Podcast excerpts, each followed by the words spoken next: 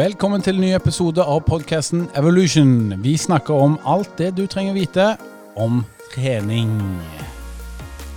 Jeg heter Henning Holm. Med meg har jeg personlig trener Andreas Skjetne. Dagens tema, midt i julestria og i juletiden, det er naturligvis nyttårsforsetter. Vi eh, er jo i den tiden hvor vi bikker inn i et nytt år. Eh, det er tid for refleksjon over eh, det gamle. Vi sier jo takk for det gamle der jeg kommer fra, i Rogaland. Um, og så er det sånn at når vi går inn i et nytt år, så er det mange som tenker nå, nå skal jeg i gang. Treningen skal prioriteres. Nå er det slik at jeg har lyst til å oppnå å gå ned fem kilo. Jeg har lyst til å enda eh, nå enda større mål, eh, hvor jeg kanskje endelig skal begynne å trene styrke, endelig begynne å løpe intervaller osv.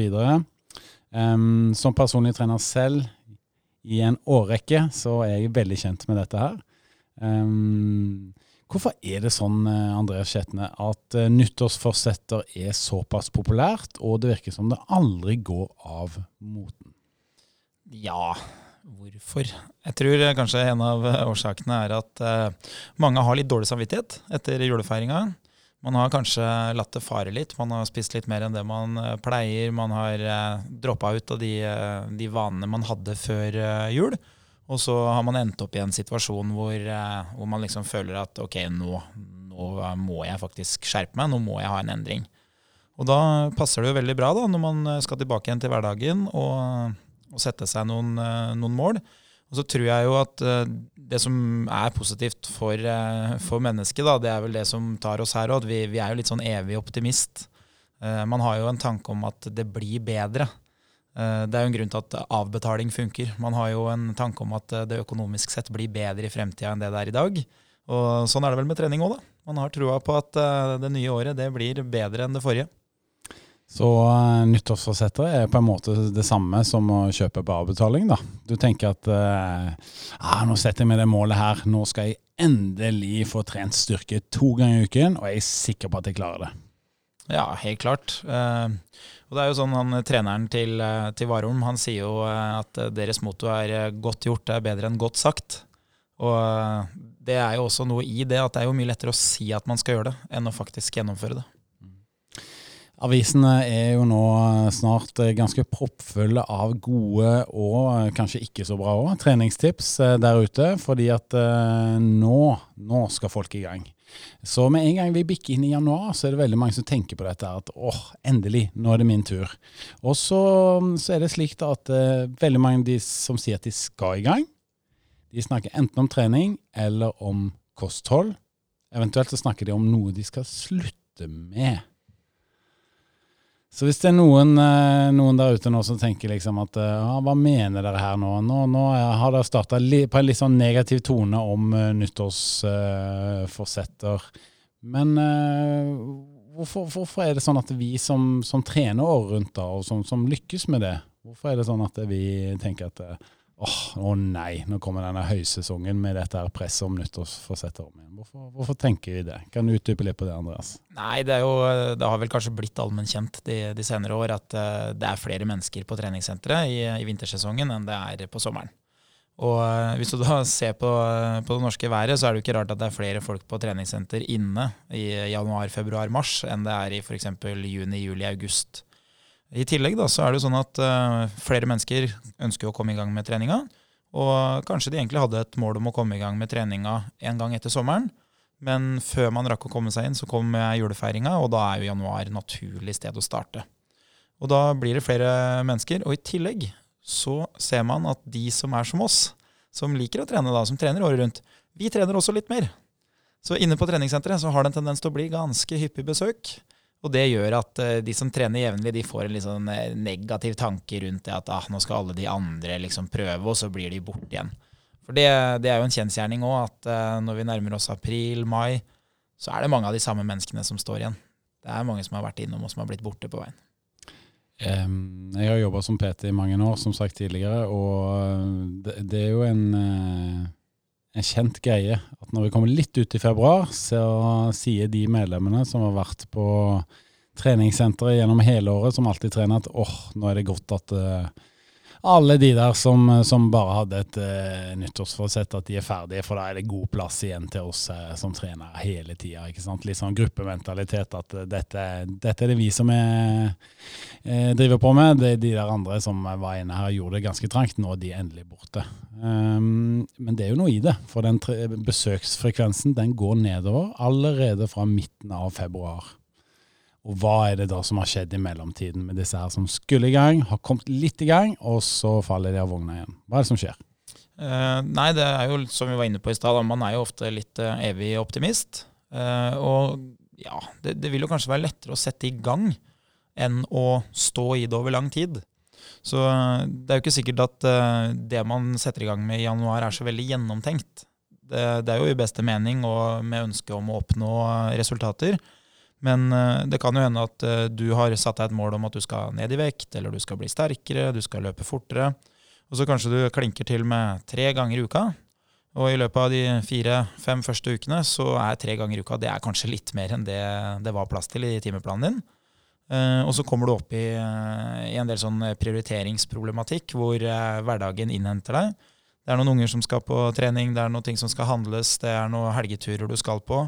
Og så kommer det en uke hvor du kanskje mister én treningsøkt. Så kommer det en ny eh, uke hvor du kanskje mister to treningsøkter.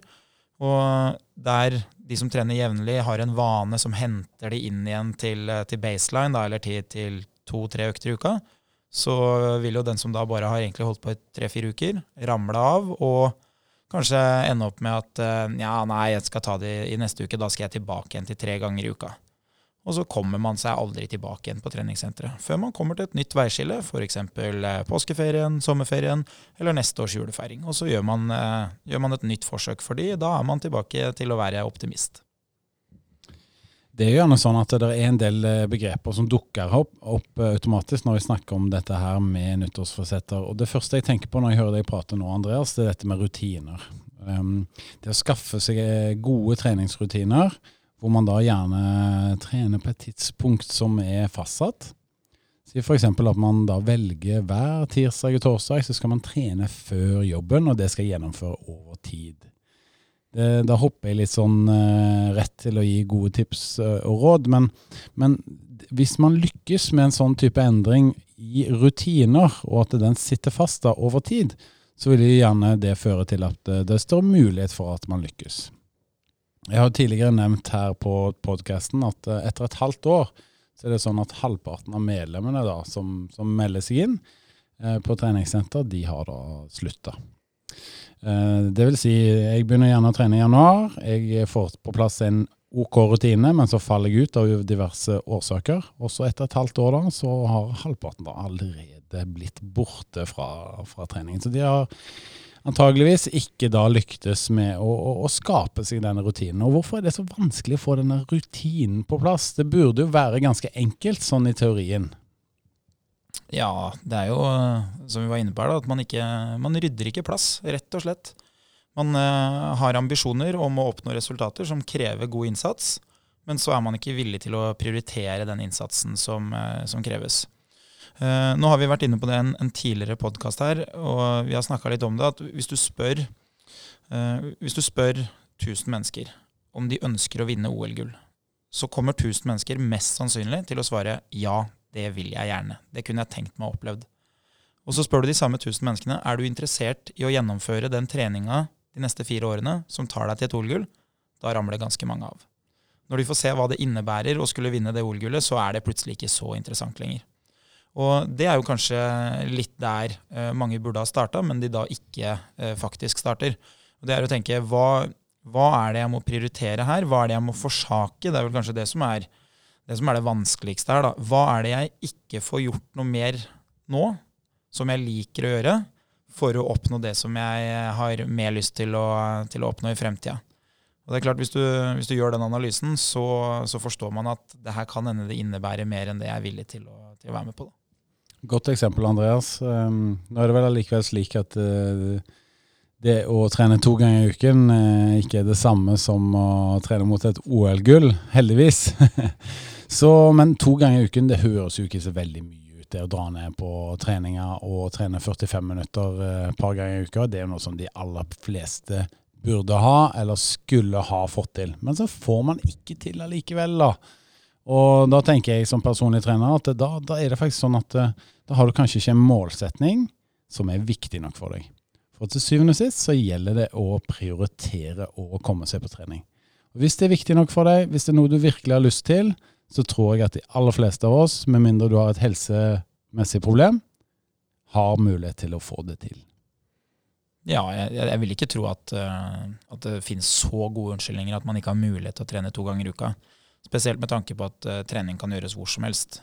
Du kan jo si at to dager i uka så skal jeg bruke uh, det å komme meg til jobb som en treningsmetode. Jeg drar en halvtime tidligere, jeg hopper av bussen et par stopp før. Jeg velger å gå til jobb. Altså Det fins mulighet. Det er ikke problemstillinga. Så det handler jo om, om motivasjonen. Og så handler det rett og slett om, om å gjennomføre, da, som også var et av de viktigste punktene når vi, når vi, så på hva som skulle til for å lykkes med trening.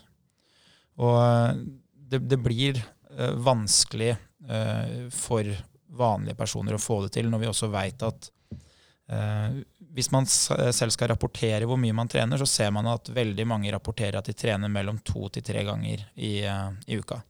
Veldig mange av Norges befolkning påstår at de gjør det. Så hvis man gjør Eh, en lik type undersøkelse hvor man ser på hva som faktisk blir gjort av bevegelse, så er snittet langt lavere.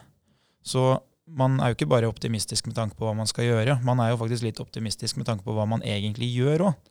Og det som er synd, er jo at de resultatene som du ønsker å oppnå, de du har satt deg i nyttårsforsettet ditt, de krever reell gjennomføring. Ikke bare eh, den optimistiske tanken om hva du gjør. Så det hjelper ikke å tro at du kanskje er fysisk aktiv to til tre ganger i uka, hvis, det, hvis sannheten egentlig er én i snitt. Og Nå snakker vi jo litt om dette med nyttårsforsetter som noe som kanskje, kanskje ser på som litt utfordrende greie, i og med at gjennomføringsevnen blant veldig mange er ganske dårlig. Men det finnes òg de som klarer å bruke nyttårsforsetter på en veldig fornuftig måte. Så det er ganske mange positive ting òg med å bestemme seg for at eh, ok, nå etter nyttår så representerer det nye året en ny start. Det er blanke ark. Nå er det min tur til å sette i gang. Og det er ikke alle som mislykkes. Det er veldig mange som får det til òg. Og da tror jeg ofte at det kommer fra at man har gjort seg en god refleksjon. Gjerne i, uh, i den siste tiden, før man bikker over uh, til raketter og et nytt år. At man da har gjort seg opp en god analyse av seg selv og hva man egentlig ønsker å få til. Og jo bedre den analysen er, jo flere grunner og årsaker jeg har fått til å kunne sette i gang med denne treningen som skal til, eller kostholdsendringen, om det skulle være det, jo bedre. Så det å faktisk gjøre en god, god refleksjon rundt seg selv og sine egne mål rett og slett kan være fornuftig. Og da finnes det et ganske sånn enkelt rammeverk som, som eh, er godt eh, faglig begrunna. Eh, og det, det, handler da om å sette seg et smart mål. Um, og det, det som det Det er ikke bare det at det er smart, men det har jo faktisk en mening. S-en står for det at målet ditt det skal være spesifikt. Uh, M-en står for at det skal være målbart. A-en for at det skal være attraktivt. R for realistisk, og T for tidsbestemt. Og så er det en ting til òg, utover de uh, bokstavene der, som jeg vil legge til, og det er igjen det at det skal være økologisk. Og for å forklare det siste, da, så vil jeg si at eh, økologi, det betyr jo gjerne da i den sammenhengen her at det faktisk er sånn at målet mitt, um, og det som jeg skal oppnå, og det som det krever meg, det må henge sammen med min hverdag. Så hvis jeg har to barn, um, og jeg er alene med de barna, og skal levere og hente i barnehagen hver dag, og jeg skal jobbe, hvordan skal jeg få til å trene to ganger i uken? Og da ville jeg jo tenkt at uh, ok, skal jeg trene i lunsjen på jobben to ganger i uken?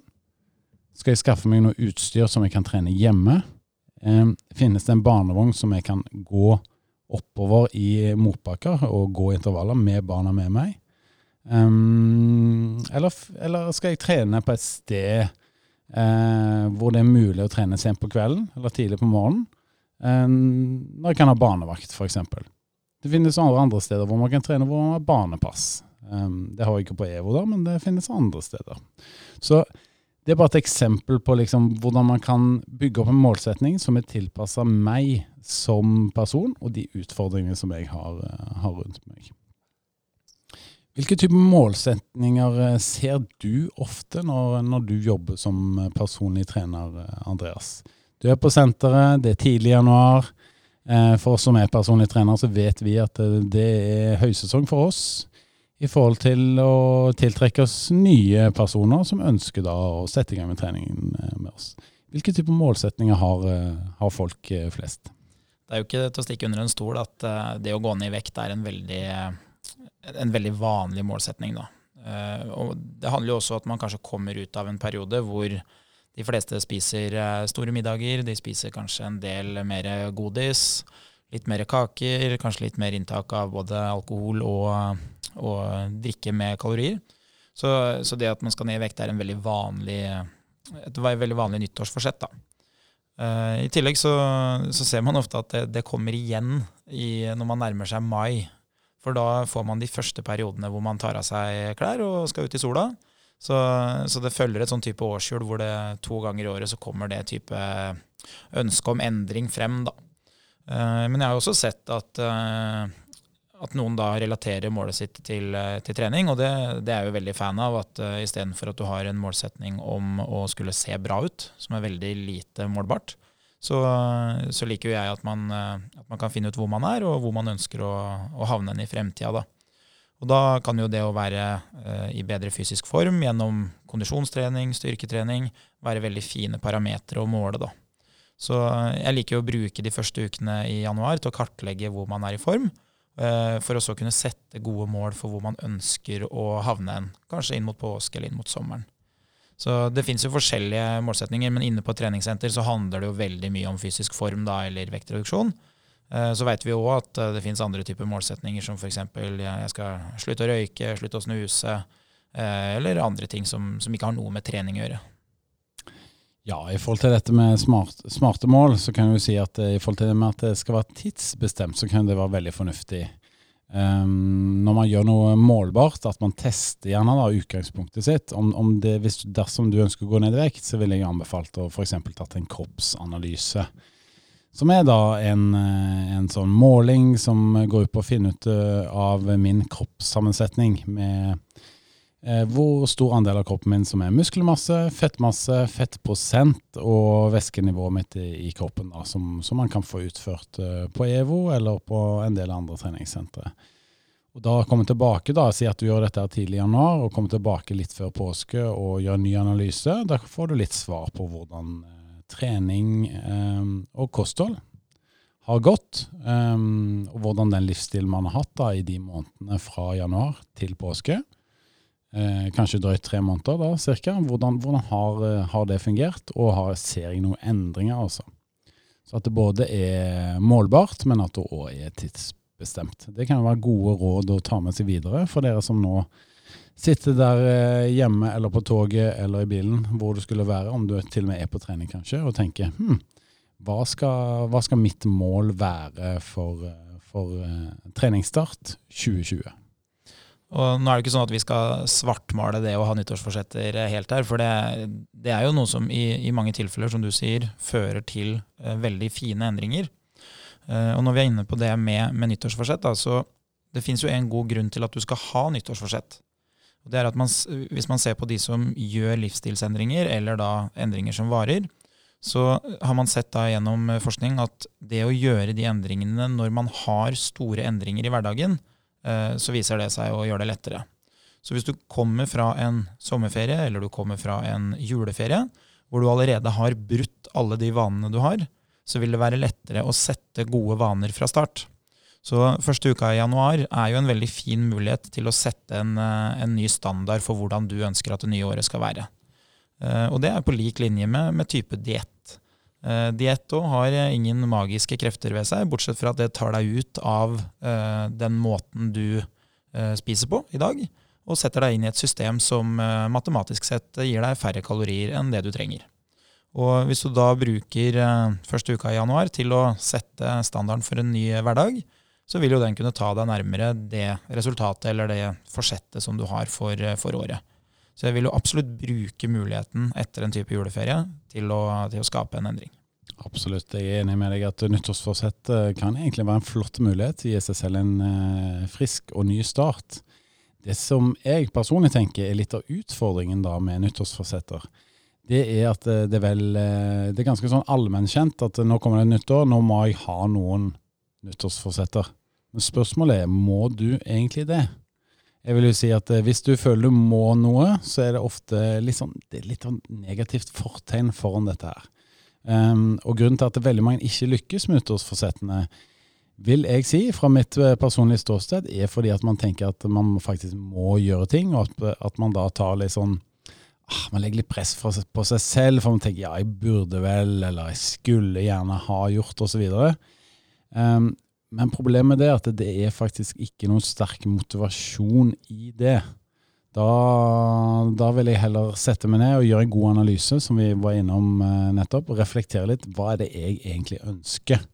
Og Hvis du da klarer å henge det på et ganske motiverende, inspirerende mål, så, så, er det større muligheter. Og da vil jeg si sånn at Hvis det er et mål du skal ha som handler om at du skal vekk ifra en tilstand du har nå, si f.eks. det å slutte å røyke.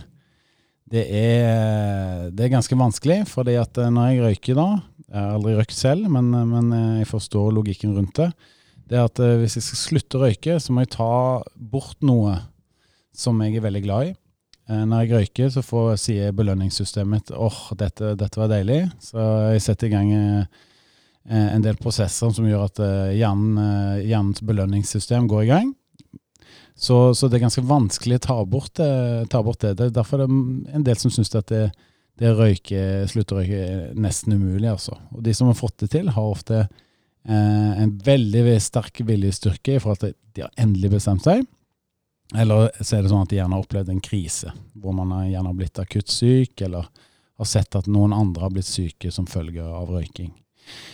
Så det, Røyking er et godt eksempel på en vekk ifra motivasjon. At du vil komme deg bort ifra eh, en, en tilstand. da. Mens hvis man derimot har hen imot, at man faktisk ønsker seg å komme seg til et nytt sted, og man ser for seg eh, at man har oppnådd denne her målsetningen, man kommer seg dit hvor man faktisk har en ny tilstand, eh, og at det er et bilde man ser langt der framme, det kan virke mye mer motiverende, rett og slett. altså.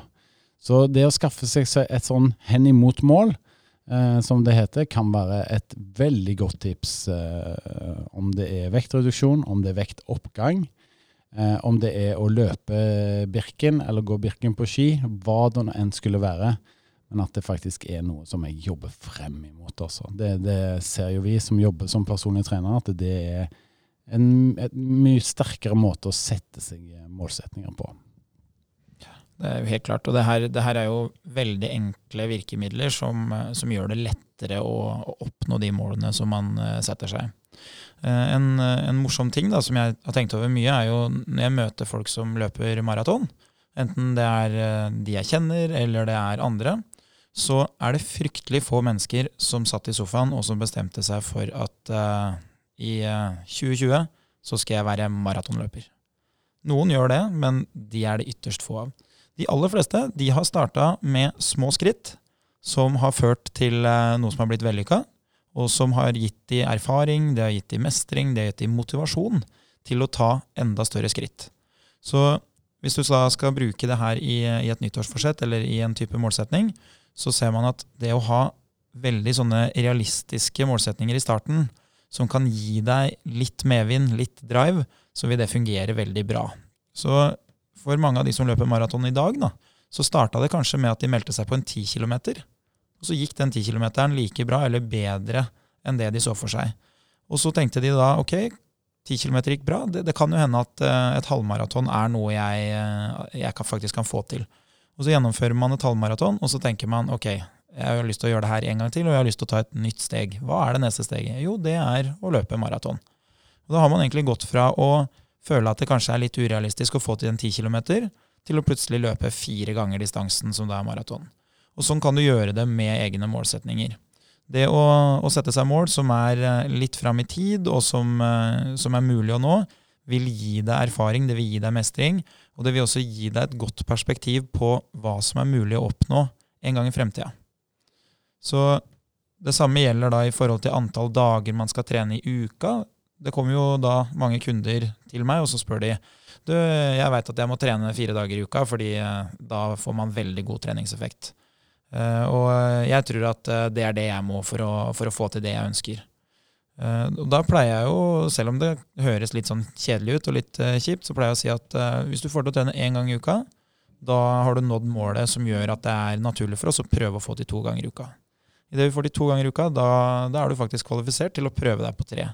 Og du kan få lov å trene så mye du vil, men mest sannsynlig så vil vi få såpass mye erfaring på den veien at vi vil innse at kanskje fire dager i uka var for mye. Eller så vil vi se at fire dager i uka var helt perfekt, men nå har vi med oss erfaring, og vi har med oss motivasjon av at vi har klart eh, de andre stegene på veien. Så hvis du ikke har noe god erfaring med å nå mål, eller du ikke har noe erfaring med å sette mål, da vær litt, eh, litt feig og litt restriktiv i starten. Det er mye bedre for deg å få positive opplevelser der du når det, enn å skulle ha så voldsomt ambisiøse mål at det egentlig er utopi.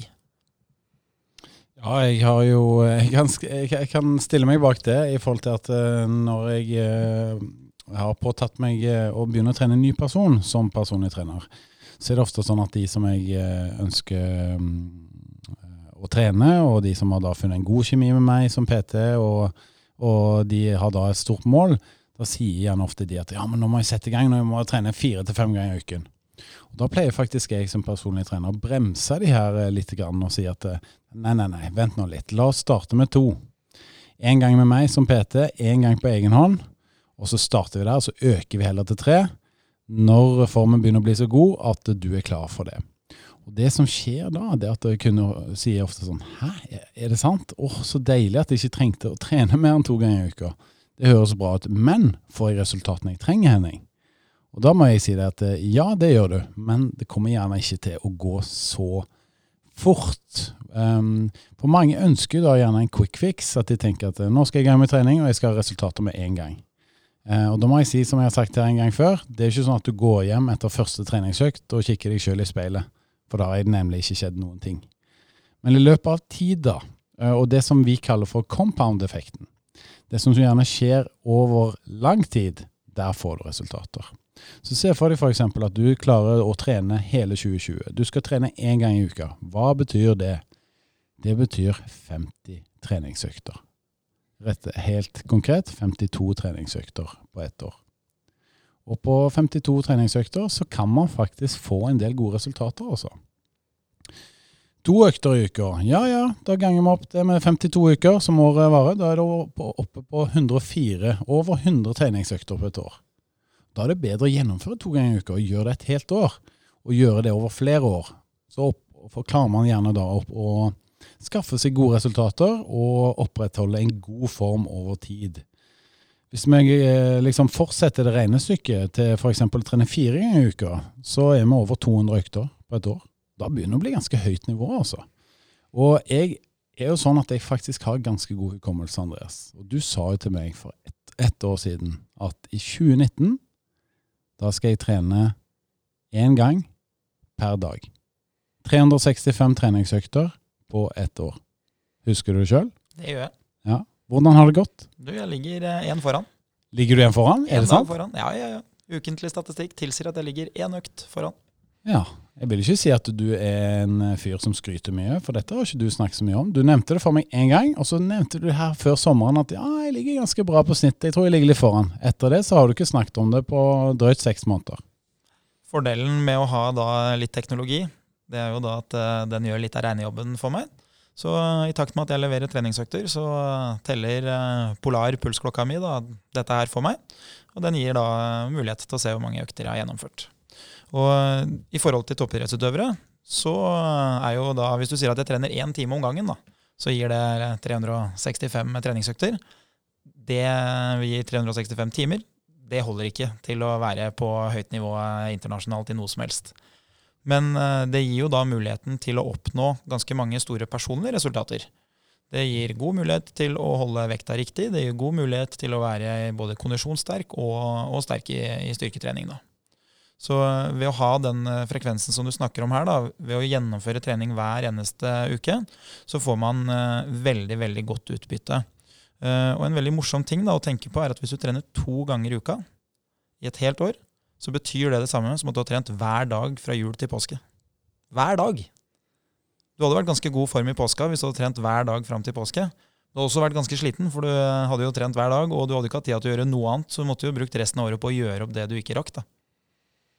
Så eh, det å ha den eh, oversikten og det å se for seg at dette her skal vare lenge, det er nok eh, noe av det som du må ta med deg da når du skal sette nyttårsforsetter.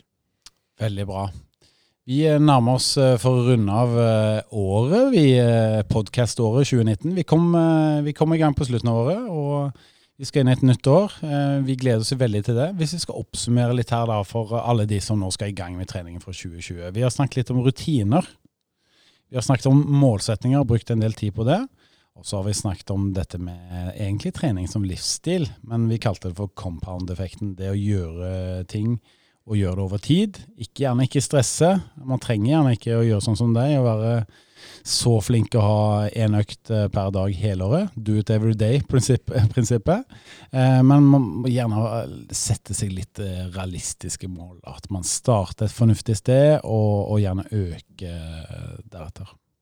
Ja, så det å, det å, se på den livssituasjonen du er i i dag, og det å kanskje tenke litt motsatt, ikke tenke hva er det jeg vil bli, men hva er det jeg er i stand til å få til, da.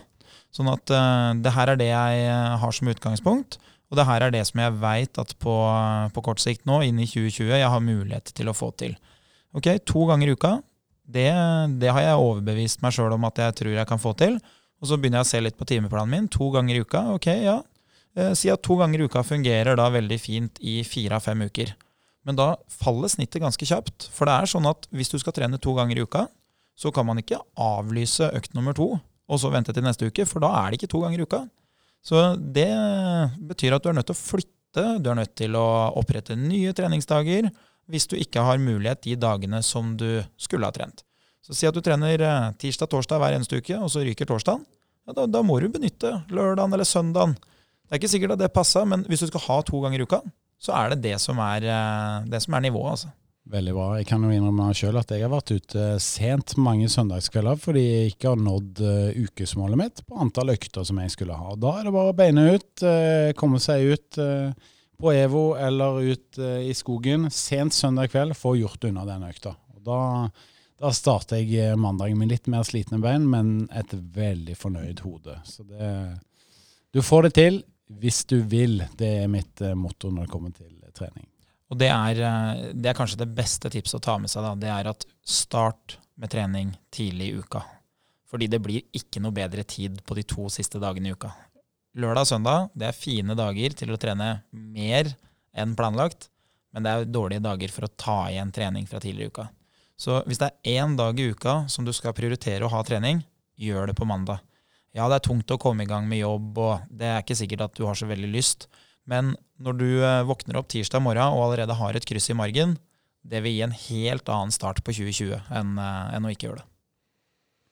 Ja, vi snakker om 2020. Mitt eh, personlige nyttårsforsett er jo da å øke mengden med kondisjonstrening med 50% fra det. Så total mengde, da, så si at jeg har da hatt ja, 150 eh, treningsøkter med kondisjon i, eh, i 2019, eh, så skal jeg altså da ha 75 flere økter med kondisjon i, eh, i 2020. Så det, det, blir spennende, og jeg gleder meg til å ta fatt på den målsetningen.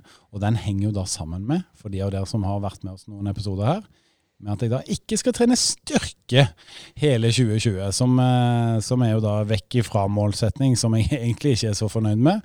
Men eh, for all del, det, jeg er jo spent på hva det gjør med jobben, og et lite sånn mini-forskningsprosjekt for meg sjøl. Så jeg tenkt å gjennomføre dette og se hva som skjer med min kroppssammensetning, blant annet. Så, og så må jeg innrømme det å, å slå Halvor Laustad et veddemål, det er jo en ganske sterk eh, motivasjon eh, når man snakker om eh, indre motivasjon her. Hva med deg, unge, unge Skjetne? Hva er ditt nyttårsforsett for 2020? Nei, det, hvis jeg sier det her, da, så plukkes det jo opp av andre jeg kjenner. Da. Så det er jo det er farlig, det. fordi da er det plutselig reelt. Ja. Jeg har jo brukt målsetninger i mange år. En, En ting handler om trening, men også brukt mye målsetning gjennom jobb, som PT, i forhold til hvor mange timer man skal gjennomføre per uke, hvor mange kunder man skal ha. Uh, og det som er gjeldende, er jo at hvis jeg skriver det ned, gjerne da på, på dashbordet på Mac-en min, da, så er det gjeldende. Det er liksom jeg pleier å si at uh, man er jo ikke et forhold før det står på Facebook. Og sånn er det jo litt her nå, at uh, når jeg røper det, så Nei, jeg, jeg, hadde jo egentlig en form som tilsa at jeg burde ha løpt et maraton i, uh, i, høst. Men uh, i høst så har det vært litt forelesninger for nye PT-studenter. Vi har åpna en rekke treningssentre rundt omkring i Norge. Og da blir det fort vanskelig å time det med gode løp. Og når du har løpt en del maraton, så skjønner man at det handler om tid. Så man velger maraton på bakgrunn av tid veldig ofte, da, og ikke om det ser fint ut. For man ser ikke så mye mer enn asfalt uh, når man løper så fort man kan. Så eh, jeg har et mål om å løpe et maraton på høsten, og da, da handler det jo om tid. Da. Så det å bryte 15 km i timen-grensa hadde, hadde, vært veldig kult. Og så passer det veldig godt da med at du er nødt til å løpe en del mer i år. Så første, første del av 2020 handler om å få ordentlig fart på skia. Fordi det gir et veldig godt grunnlag for å være i god form når, eh, når asfalten blir bar igjen. Og så eh, gir det også motivasjon å ikke være ordentlig lei av løping så tidlig på året. Veldig bra. Så der har dere to eh, litt forskjellige, men allikevel litt sammenfallende målsetninger, som er gøy for oss, som trener litt sammen. Um, så vil jeg si til deg som lytter på, at uansett hva som er ditt mål, så er antageligvis det målet mer enn godt nok. Eh, så bare sørg for at du setter deg et mål, og deretter så er det gjennomføringsevne som teller. Um, nyttårsforsetter har jeg skrevet litt om på bloggen vår. Der har vi en, en artikkel ute nå som heter 'Gi blaffen i nyttårsforsettene'. Og den handler i stor grad om å heller velge å ha trening som livsstil. Så les gjerne den om du er mer interessert. Så kan jeg jo si det at det fins ikke noe bedre enn å skulle sette nyttårsforsett for 2021 hvis du kan krysse av for at du klarte å gjennomføre et av nyttårsforsettene fra året før. Så det å få den erfaringa og den mestringsfølelsen av å ha gjennomført noe, det, den skal du ikke undervurdere. Så sett noen nyttårsforsett som du har stor sannsynlighet for å kunne, kunne krysse av for om et år. Herlig. Med det sagt så ønsker vi deg som lytter et riktig godt nyttår. Ha en fantastisk start på 2020. Sett deg noen gode mål, da, så du kommer i gang med treningen din. Og sørg for at treningen vedvarer. Med det sagt, følg oss på Evolution, bloggen vår. Gjerne tips oss om saker som du vil at vi skal snakke om når det gjelder trening eller livsstil, på Evo Fitness sin Instagram-konto. Gi oss eh, gjerne en eh, anmeldelse, og abonner på, på podkasten. Det setter vi veldig pris på. Vi, eh, antall abonnementer stiger i taket her, så det er kult. Tusen takk for at du lytter på oss. Godt nyttår. Sayonara.